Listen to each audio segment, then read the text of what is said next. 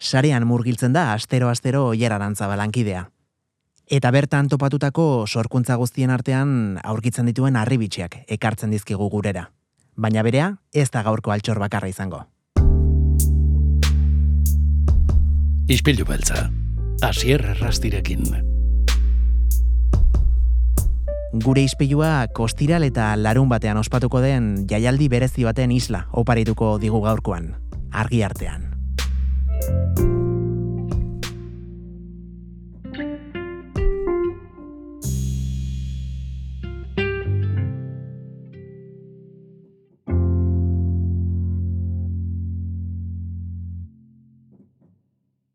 Edorta Subijana, ongi etorri gure izpilura.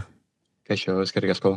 Beno, tira, bihar eh, hasiko da argi arteanen 2000 eta hogeita iruko edizio hau, loiolako herriberetako oroimenaren lorategian, konta egozu, pixka bate zer den bihar eta larun batean, e, donostiarrok, e, bueno, ba, gozagai izango duguna, bertan?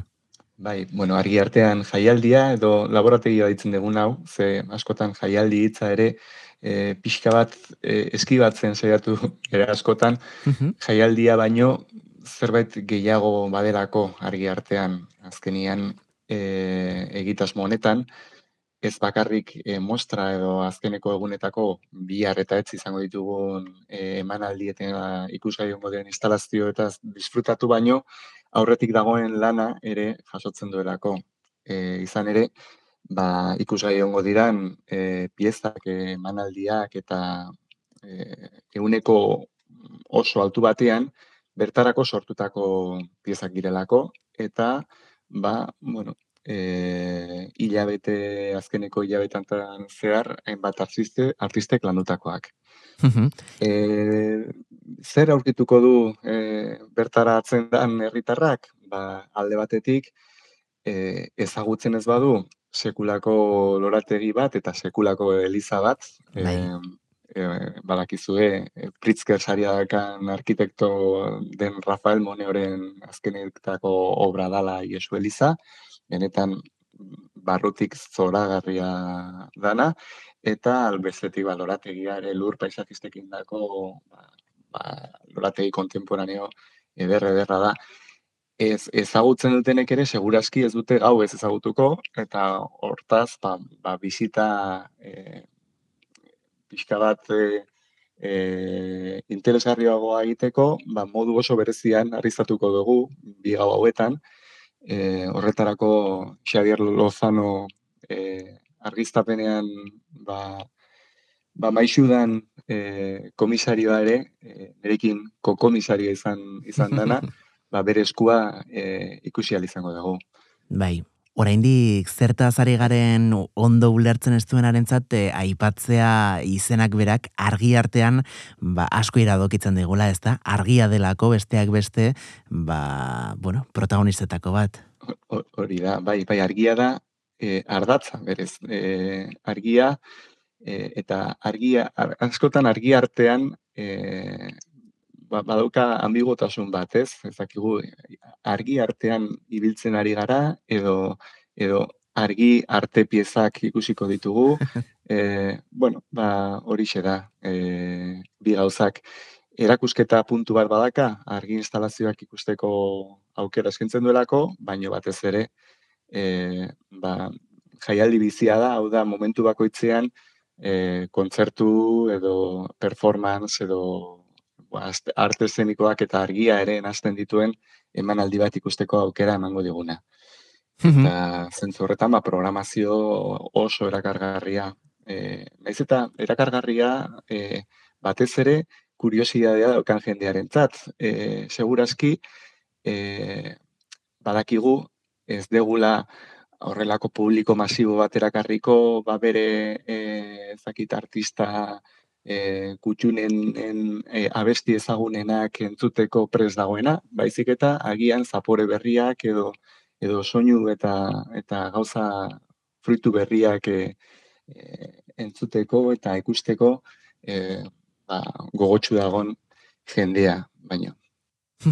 Aipatu duzu edorta ekimen eta jarduera ezberdinak izango ditugula argi artean, bueno, ba, jaialdiaren barnean, eta loiolako herri beretan kokatzen den lorategi horretan, e, bueno, bain batek gauza egingo dituzue, baina baita ere, eta gian hori da zuen proposamenaren ikurretako bat, Jesu, Eliza famatuan.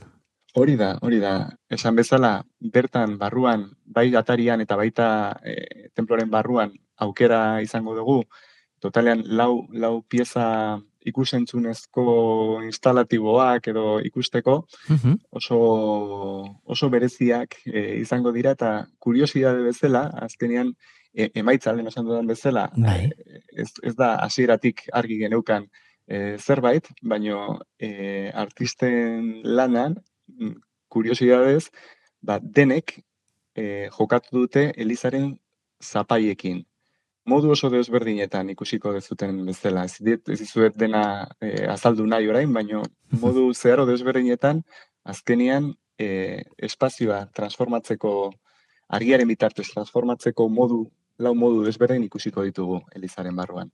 Bestetik, e, gero ja lorategia joan da, ba, monta oso desberdineko instalazioak aurkitu izango ditugu. Batzuk e, interaktiboak izango dira, da, argiekin jolas bat bezala planteatuko direnak, e, beste, beste batzuk, bueno, ba, ba elementu berziklatuekin egindeko egindako argiztapen inteligente bat osatuko dute, e, gauza desberdinak e, izango ditugu, eta batez ere, agian e, ba, elementurik potenteena, ja horrela izan zen aurreko edizioan, aurreko urteko edizioan, ba, Elizaren fatxadak, lau, lau fatxadek, eta, bueno, lau fatxadek esate dituanean, badakizu Eliza dagoela pixka bat orla zatituta, ez duzen bai. nahi lau aldeak, baizek eta parkera jotzen duten fatxadek, e, proiektzioak jasongo, jasoko dituzte, eta pantalla erraldoi bat izango da, azkenean, iruro eta bost metroko pantalla bat daukagu, wow.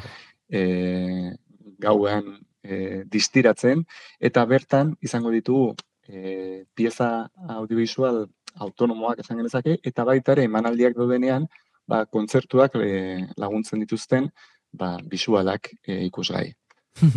Askotan, bisual hauek, eta hau da e, baita ere e, jaialdiaren zeinu bat, ez daude eginak e, bisualetan ezagite espezializatuta dauden e, artisten gatik. Eskotan, beste disiplinetako e, artista engana jo dugu, ba, aventura honetan apuntatu daitezen, eta emaitzak ba, oso, oso bereziak eta oso e, mm, harrigarriak esango nuke direla. Ez direla e, oiko e, bideomapin komertzial eta ohituta gauden hoiek e, ikustera ohituta gauden hoiek bezalakoa. Nahiko gauza artisti, artistikoa, arti esaten zuten hortik, ba ezakit, bai, e, modu desberdinak e, azaltzen dira.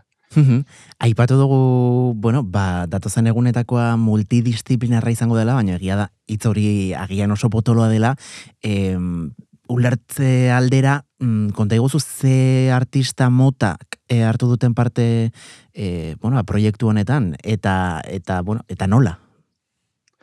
Bueno, ba, ba, begira, adibidez, badaukagu antzerki mundutik datorren Fernando Bernuez, bera, eh, arkaitzkan horren laguntzaz, pieza edo instalazio edo ibilbide bat sortuko duena begira. Eh, eh, lorategian zehar, eh, gero beste elementu oso teknikoa, argizapen eh, tekniketan oso, oso abila dan Carlos Solanoren e, pieza robotizatua eta eta hiperteknologikoa ere izango dugu. E, geada Bilboko estudioak e, Elizaren atarian egingo duen pieza niri txundituta utzi nau, e, super inteligentea iruditu zait, oso modu, oso modu e, simplean sortu dute pieza interaktibo eta inmersibo eta hiper bat, teknologia oso oso oso oso bajua e, erabiltzen. Beretan e, emaitza harrigarriekin eta bueno, oso ilusionatuta dago olako olako deskubrimenduekin. Azkenean gauza simpletan dagolako dagolako mami handiena. eta ze gehiago, ba bueno, nagore legarreta argazkilaria izango dugu bideo proiektzioak egiten, e, Jaime de los Ríos ere jaiaren klasiko bat eta bueno, erreferentzia bat e, arte digitalean hemen Euskal Herrian. Aurreko urtean komisario lanetan ibili izena, aurten artista lanetan izango dugu. E, Alvaro Turrion musikariaren e, premierean e, bueno, JK lanean ibili, ibili dena.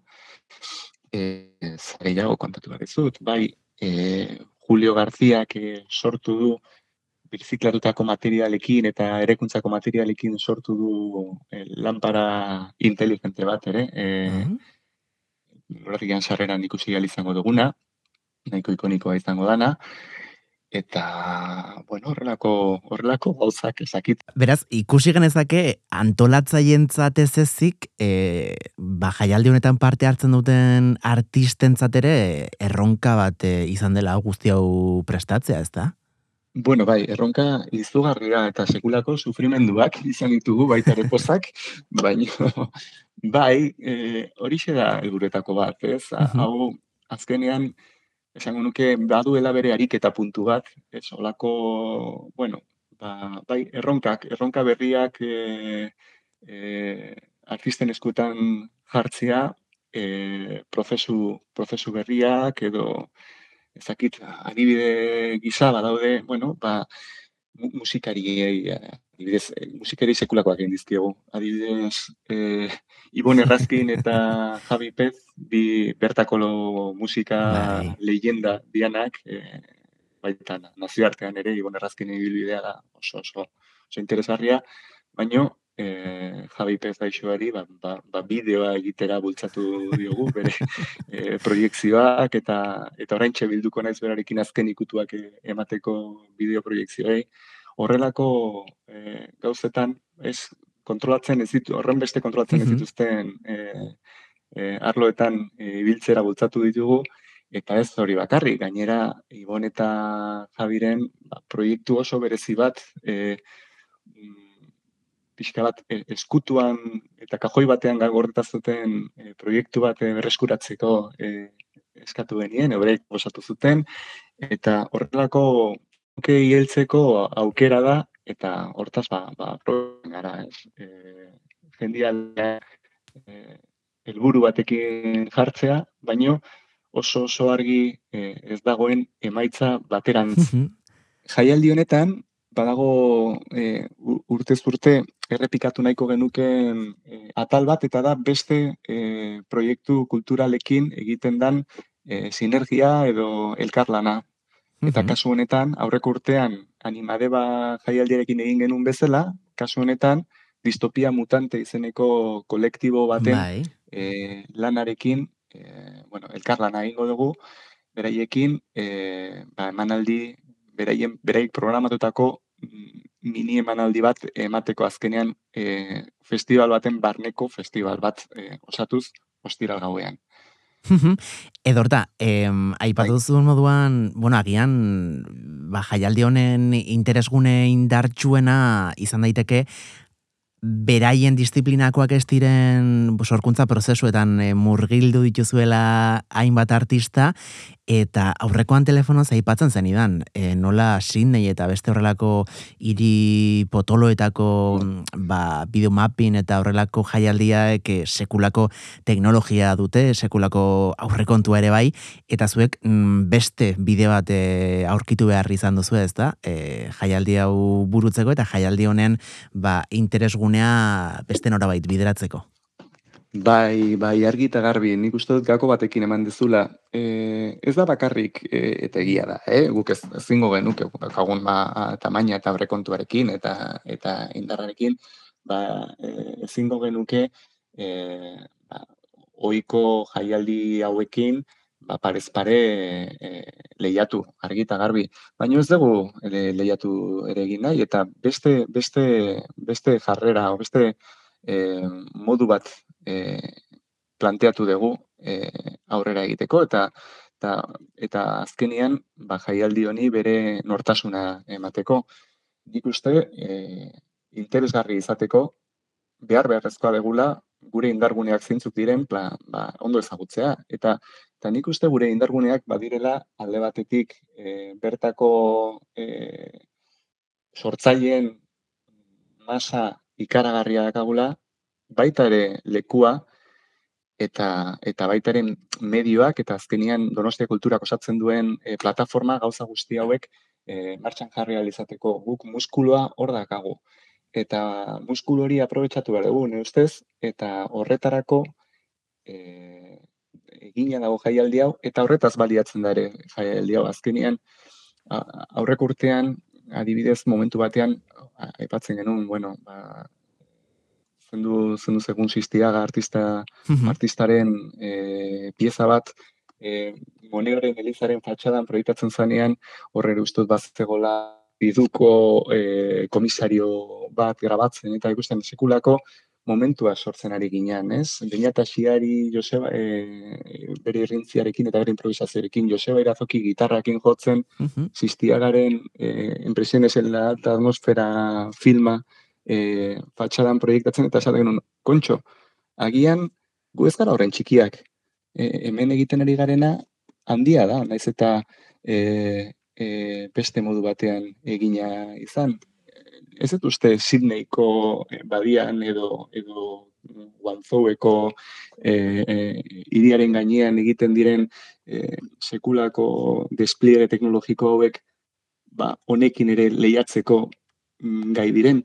Eta hori da, azkenian, sen, sensazio hori, eh, benetan, eh, gure indarguneak eh, ikusten eta ere ezagutzen jakite horrek, ba, ba ilusioz betetzen gaitu, eta azkenean, e, egiten digu pentsatzea, ba, benetan gure jaialdi txiki hau, ba, behar beharrezkoa oso interesgarria dela e, hiri honentzat. Eta bertako sortzaile ekosistema, esan duan ekosistema hau, ba, indartzeko eta baita ere, ba, gian e, alde batera ez, baino, nahikoa jaso ez diren e, sortzeko prozesu berriak eta eta arte modu e, visual eta digitalak eta ustartzeko ba, aukera e, paregabea daukagula iruditzen zetar gertan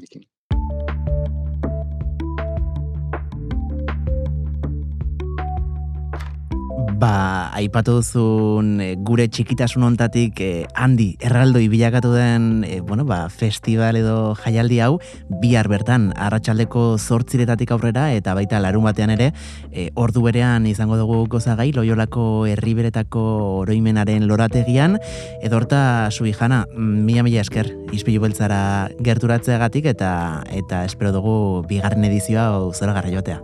Mila esker, mila esker zuei.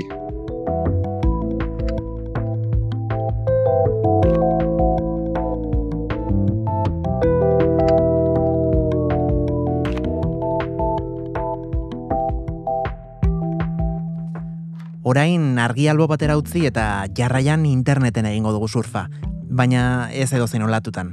Olatu asko daudelako sarea den itxaso zabal honetan, baina gutxi gure tablarekin hori ekartzea pena merezi dutenak. Hau txen, zeo zer arraro nabaritzeat. Nerviosa ho? Ni? ez asko. Ez, seguro? Bai. Zeo zerakak barruan ateatzeko? Goz asko, eh, baina baina hemen ez ditugu aterako, eh.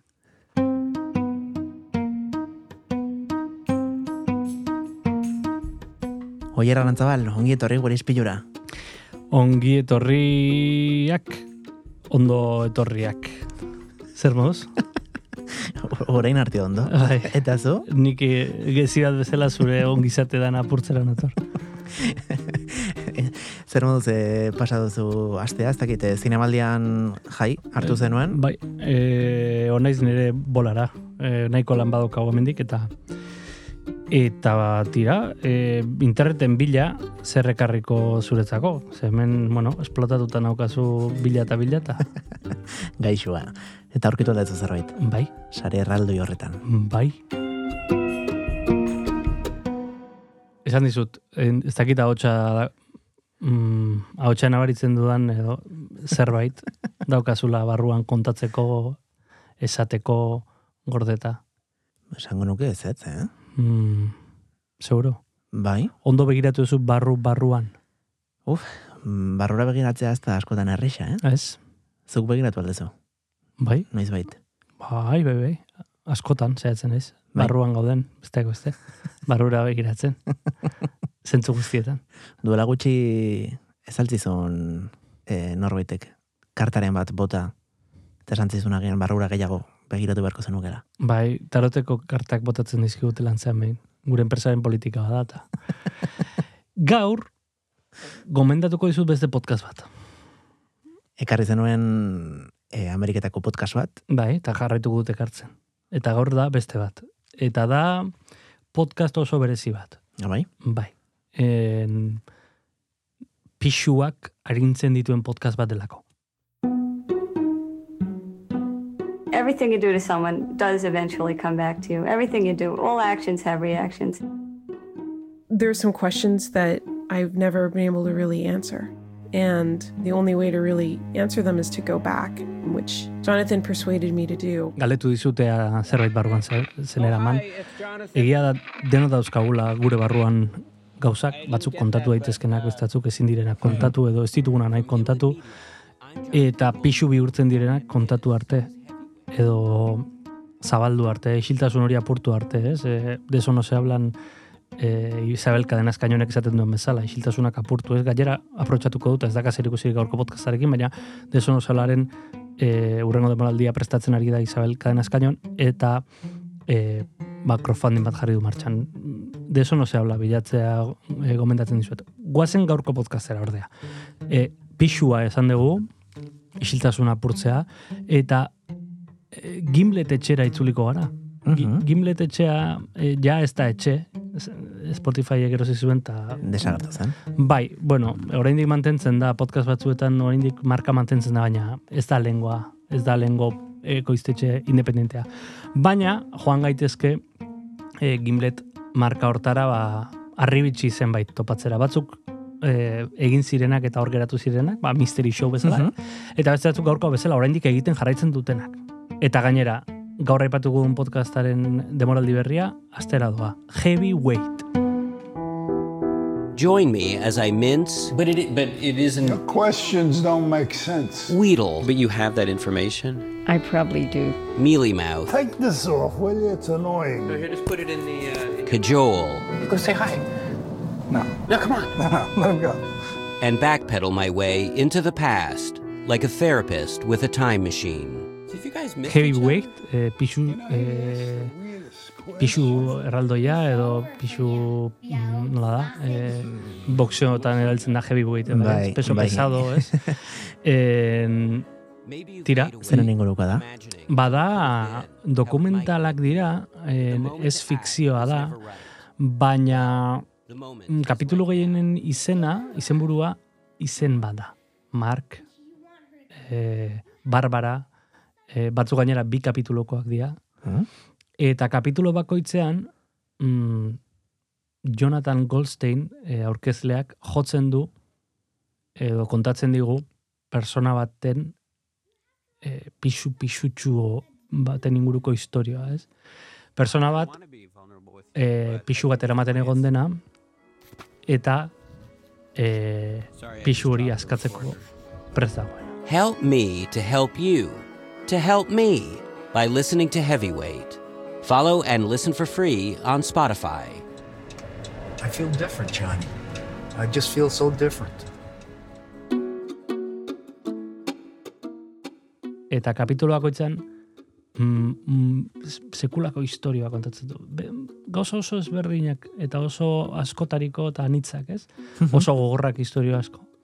Pixu horiek zer dira? Em, kanpoko kontuak, hau da, drama familiarrak, e, profesionalak, edo, edo osasun mentalari gehiago lotutako Dena, kontuak. eh, bueno, denari lotua. Nik esango nuke, bueno, eh, dramak daude asko, eta eta historio rokanbolesko asko, ez?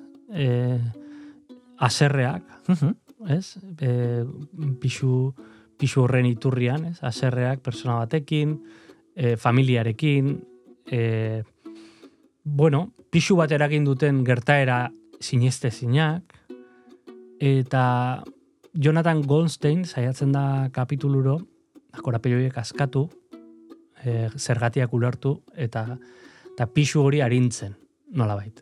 Oso tono umoretsuan dago egina, oso tonu amenoan, ez, bizkorrean, e, baina oso ondora jotzen du, era berean, eta tonua bikaina da. Mm, Beti auki dut go, izan dut gogoa formatu ona ekartzeko. Ah, bai? Bai, e, irutze zait e, ekarri daitekela ona. Eta egin daitekela hemengo gaiekin, hemengo, bueno, hemengo historioekin, ze azkenean universala da. Hain da, hain da, e, bueno, mm, ibilbide derra egin duena podcast hau, ja, be, badakit Goldstein berak jasotzen dituela jendearen historioak bere, bere mugikorrean, bere, bere Bilatzea jo baina orain ja iristen zaizkio. Bai, iristen zaizkio, eta hori esaten dut, orain Mhm. ar, argitaratuko du e, demoraldi berria.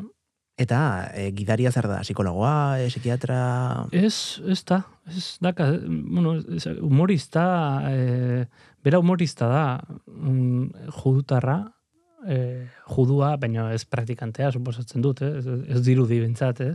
famili juduko persona bat, en, eta da bak, Amerikar Kanadiarra, oso tono humoretsua erabiltzen du, oso freskoa, e, be, heavyweighten portadan ere bere arpegia agertzen da, e, bi bet, bueno, betaurrekoekin, da betaurrekoetan erlojuak, eta hola, bixera batekin, oso polita. Eta, eta benetan gomendatzen dizuet formatua, eta gomendatzen dizuet e, heavyweight, mm, gainera edozin lekutan entzun daiteke, eta Mhm. bai. E, oier, naiz eta bertako gaiak oso pisutsuak izan, oso, Bai. bueno, ba, garrantzitsuak, ez? E, bueno, sendoak. Bueno, ez dira zertan garrantzitsuak izan, eh? batzutan ez dira hain garrantzitsuak, baina e, badago gauza bat, nire bikote intzarekin askotan hitz egin dudana ere, eta da, askot, mm, arazo guztiak dira importantenak. Nire arazo, eguna jaten diaten arazoak munduko importantena dira, Claro. eta zureak ere bai, eta bakoitzaren arazoak beti dira erraldoiak. Bai, norberak bere realitatean bizi dituelako, ez da? Erraldoiak, pisutsuak, saieste zinak dira arazo guztiak. Ez dudan ulertzen da, e, nola podcast baten, bueno, eskutik lortu daiteken horrelako, e, bueno, ba, zama arintzea. Bueno, ba, hitz egiteko prez dagoen jendeak, azkenean askatzen du, ez? Eta, eta askotan ekartzen du berradizkidetze bat, berriro hitza e, eskaintze bat, hitz egiteko Mhm. preste egotea. Batzutan ez. Baina, bueno, bada, bada pausu bat, ez? E, hitz egitea, eta hortaz hitz egitea, irekita egotea jakitera zergatik aserretu zen nor, ez adibidez, ez? Atzera begirako bat, ez? Eta esaten nizun, osea, em, ariketa interesantea da, ze norbere problema beti da potoloena, Bai. eta zaizte zinena. Baina gero, distantzia batetik begiratuta, em, konturatzen zara agian elukela izan behar horren potoloa, ez?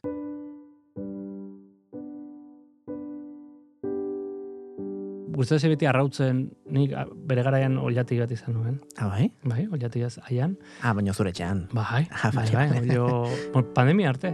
Pandemian e, ies egin zuten eta azeria jango zituzten, ez dakit. Oier. Ba, hori gertatu zen, haizu. Ze, e, e, bitu, pandemia garaian, e, konfinatu ginenean, nik atea zabaldu nian. Kontrakoa, deskonfinatu egin nituen.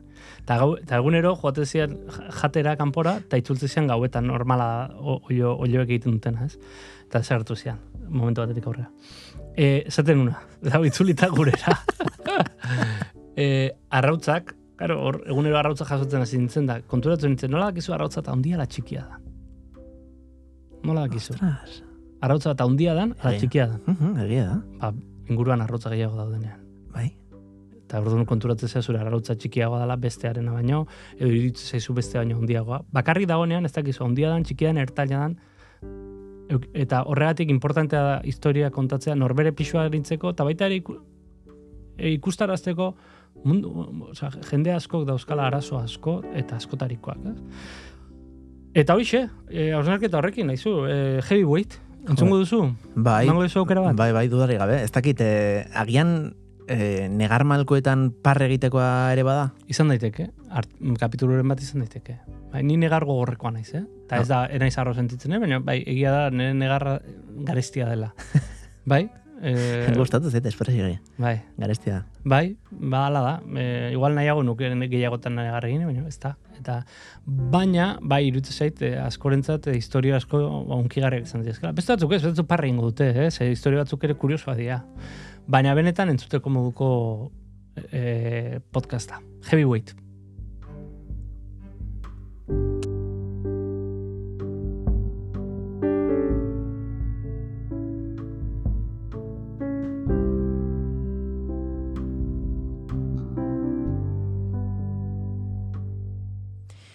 Eta tira hause izan da guztia gaurkoz, mila esker, beste egun batez gure ispilura hurbiltzeagatik badakizue bihar ere goizeko zortziretan izango duzuela ispilu beltzaren edizio berri bat, Donostia Kultura Irratian, eta pixkate lentxeago, goiz esnatzen zareten guzti horientzat, goizeko seiretatik aurrera, zure podcast plataforman. Ordu arte, txintxoak izan. Agur.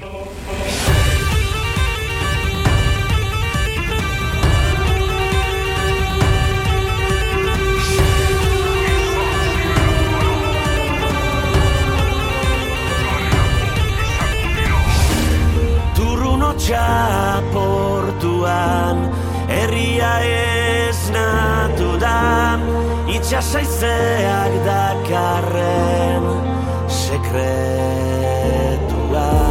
Zainetan kresala eta Mingainean olatua. Ematen jarraitzeko gure kantua